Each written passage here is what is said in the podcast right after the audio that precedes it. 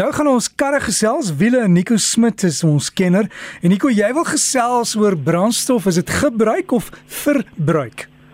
Ek weet nie direk, um, ek dink dit is verbruik. Ehm um, en die die die die die, die ou probleempie waarmee meeste van ons vandag sukkel is die feit dat die brandstofprys so hoog is en dit kos ons soveel meer aan brandstof. So maandelikse koste is, is baie meer en ehm um, hoe kan ons het, hoe kan ons brandstof spaar? So hoe kan ons daai brandstof in die tank rek as ek dit sou kan stel? Nico, ek weet nie of jy dit doen nie, maar ek ek het be, begin om my roetes te beplan. Wanneer jy veral ver moet ry, dan doen jy 'n hele sirkelroete. Is dit nogal wyse raad of nie? Ek dink ek dink dis die eerste die belangrikste ding. Ehm um, is beter is goeie beplanning Derek. Ehm um, om nie net uh, kort afstande te doen nie, maar alles miskien in in in een roete te doen. Miskien ook ehm um, meer te loop en, en minder te ry dink ek is 'n klare groot groot ding, maar ek, ek dink goeie beplanning is deel van dit. Ehm um, ek ek sou sê ook en, as jy kyk na jou kar, hoe beter jy na die kar kyk en my gevoel ook dit gaan 'n klein verskil maak in die brandstofverbruik. So die die banddruk in die voertuig is baie belangrik. Ehm um, as die banddruk ehm um, te laag is, uh, is daar natuurlik meer weerstand, so dit gaan die brandstofverbruik ehm um, in 'n mate beïnvloed. Uh, as jou kar gereeld sy dienste kry, gaan dit ook uh, maak dat daai voertuig bietjie beter brandstofverbruik kry so gereelde dienste. Dan wanneer jy ry, dink ek ry saggies, verwille amper dat die die petrolpedaal en die rempedaal is gemaak van glas. So liggies op die pedale dink ek is al klaar ook iets wat 'n verskil gaan maak in die brandstofverbruik van jou voertuig. Ehm um, probeer om stop te vermy, ehm um, want elke keer wanneer jy wegtrek, ehm um, het jy baie energie nodig om daai massa van die voertuig te beweeg.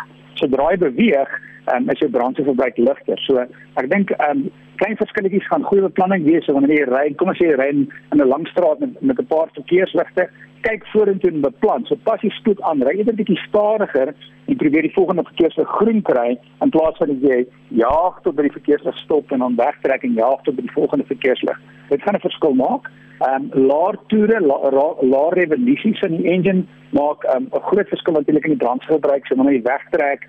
Ehm um, so gou as moontlik na die volgende rad toe gaan. En dit veral die klein motortjies of veral voertuie met turbo engines en um, help dit nogal baie want omdat die turbo so baie wrinkrag het, kan jy hier by baie van die voertuie al by 2000 revolusies kan jy na die volgende rad toe gaan. So as jy vinniger na 'n hoër rad toe gaan, gaan ook 'n verskil maak aan die brandstofverbruik um, van jou voertuig. Dit begin natuurlik by die wanneer jy voertuig koop. So wanneer jy 'n nuwe voertuig koop, as 'n kleiner engine altyd gaan 'n groot verskil maak. Ek het 'n vraag ook gehad en ek sluit 'n bietjie aan met die vraag. Die dame het gesê sy het 'n 'n klein Honda ehm um, CR-V en ehm um, die brand die alhoewel die engine 'n kleiner engine is, is die brandstofverbruik redelik hoog vir alles wat mense in die kar is.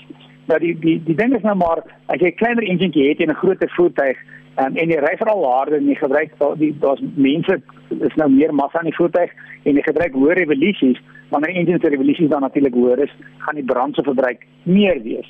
So ehm um, ek dink ehm um, die spoedgrens maak ook 'n verskil. As jy die spoedgrens 100 is en jy ry 100, dan maak dit 'n verskil teenoor kom ons sê 110 of selfs 120. So dit 120 is ry 120 nie 130 nie. Maar ook meneer moet dit net 80 ry op die snelweg nie want dit is ook dan gevaarlik ehm um, vir ander voertuie wat teen 120 km/h beweeg. So ek dink goeie beplanning en goeie dienste Derek maak 'n groot verskil aan aan hoe jy ry en natuurlik um, net 'n konstante spoed en goeie beplanning. Dit moet alles help om beter dan se verbruik te kry.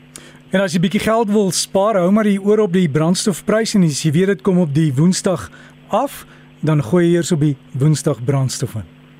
Jy sê maar reg, nou ander goedjies is is, is saamry klubs, um, is is 'n regtig goeie plan om met 'n kollegas te praat, miskien of familie wat uh, in 'n naby area bly waar jy bly ehm um, op werk eerder kom ons sê weet jy kom ons ry dan saam. Ek ek ry vir 'n week met my kar en ons vir 'n week met jou kar. Die goudtrein as jy in Pretoria en Johannesburg werk is ook 'n 'n goeie opsie andersins ook um, om om brandstof te spaar. En die laaste ding asseblief moet niks by jou brandstof gooi nie. Moet ene moet niks koop wat wat um, sê dat jou brandstofverbruik gaan beter wees of goed in jou tank gaan nie. Geen van daai goeders werk nie Ja Nico, uh, dankie vir al daai raad en mag mag die brandstofprys regtig afkom net met die saamry klubs. Jy moet net seker maak met jou versekerings, weet wat wat die reëls en regulasies is. Sommige van hulle laat dit toe, party nie.